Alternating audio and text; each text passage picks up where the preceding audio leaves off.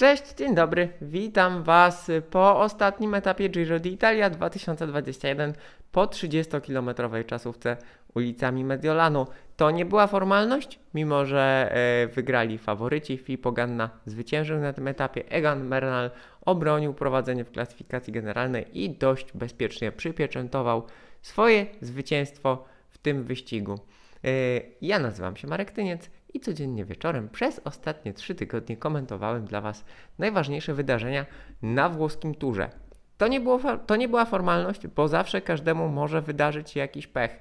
Nawet jeżeli ktoś jedzie, tak jak zawodnicy z końca stawki, tylko po to, aby zmieścić się w limicie, w limicie czasu, jakaś koncentracja i czujność jest niezbędna.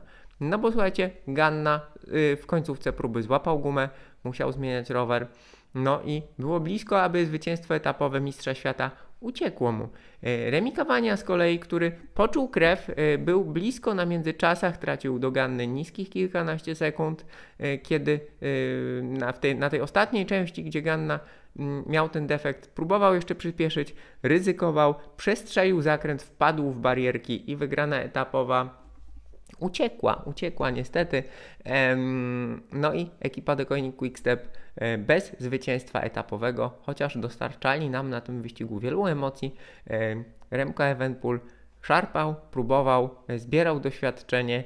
E, no, bolesne, bolesne to doświadczenie, potem ta jego kraksa i wycofanie się z wyścigu, ale Joao Almeida rewelacyjnie w górach zaskoczył wszystkich, ewidentnie zrobił bardzo duży progres e, w jeździe w górach i nie stracił umiejętności na czas, e, ponieważ Almeida, Portugalczyk, z zawodników liczących się w generalce pojechał najlepiej, dało mu to awans na szóste miejsce, ale ważne jest to, że on stracił zaledwie 27 sekund do Ganny i 13-14 do Kawani, zatem to jest naprawdę naprawdę niewiele. No i wyraźna przewaga nad kolejnymi zawodnikami, ponieważ e, Tobiasz Foss, który był 12, to już jest prawie minuta straty do pierwszego. Super pomocnik Egana Bernala. E, Daniel Felipe Martinez minuta 21, e, Własow minuta 26, no i sam Egan Bernal, słuchajcie, minuta 53.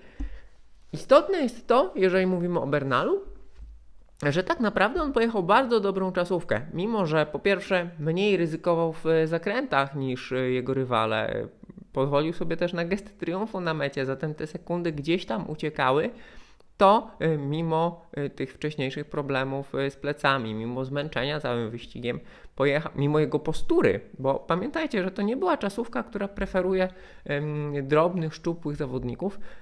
Te niespełna dwie minuty do Ganny, powiedzmy, gdyby nie defekt Ganny, no to byłoby 2,20. To jest wciąż dobry wynik i przede wszystkim lepszy niż większość jego rywali, co więcej takich, którzy teoretycznie są w stanie pojechać E, przyzwoicie tego typu próbę. E, zatem, jeżeli Egan Bernal myśli o e, walce w kolejnych wielkich turach, to ta końcowa czasówka Giro d'Italia to jest naprawdę znak, że on jest w stanie, mm, jest w stanie to robić, o ile oczywiście zdrowie, zdrowie na to pozwoli. Zatem Egan Bernal naprawdę znakomicie. Słabiej Yates, Caruso, Caruso owszem, Bernalowi nieco odjechał, ale on jakby jest lepszym czasowcem, tak w ogóle też jest większym kolarzem. Zatem fajnie, że Caruso też potwierdził formę znakomitą w całym wyścigu.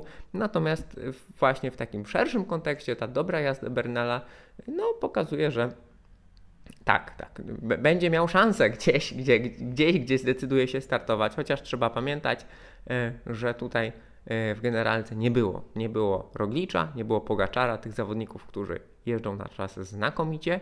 E, a tak jak powiedziałem, no, to jest bardzo ciekawe, co będzie z Almeidy. Kończy się ten wyścig znakomity, podsumują go Wam jutro.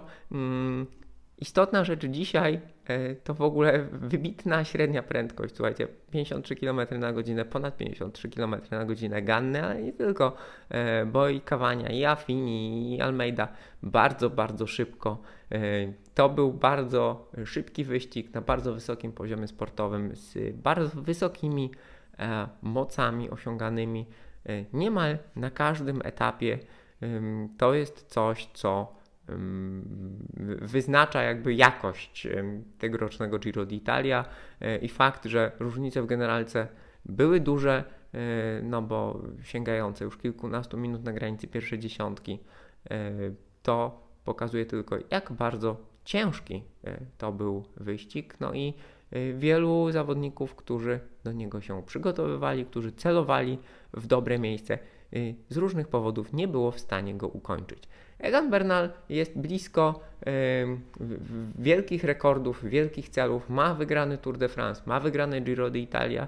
Zobaczymy, czy będzie cel, próbował wygrać Vuelta, e, czy będzie kiedyś celował w dublet. Tych pytań będzie się pojawiała cała masa. On na pewno będzie po raz kolejny pod dużą presją ponieważ po niezbyt udanym i pechowym dla siebie sezonie 2020 wrócił, e, wrócił w wielkim stylu, wygrał ten wyścig, zdominował go. Nawet to niewielkie wahnięcie formy nie spowodowało, że nie spowodowało, e, że był w zasadzie kiedykolwiek poważnie zagrożony.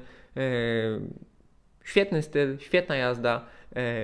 E, jakby w wywiadach, w swoich wypowiedziach prezentuje się również bardzo dobrze, jako bardzo e, sympatyczny człowiek, to też jest istotne.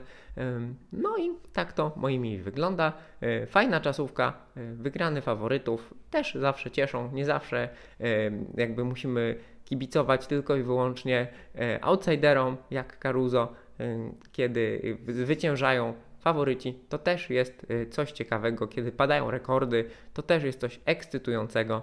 Mm, I takie było to Giro. Dziękuję Wam uprzejmie i do zobaczenia niebawem. Cześć!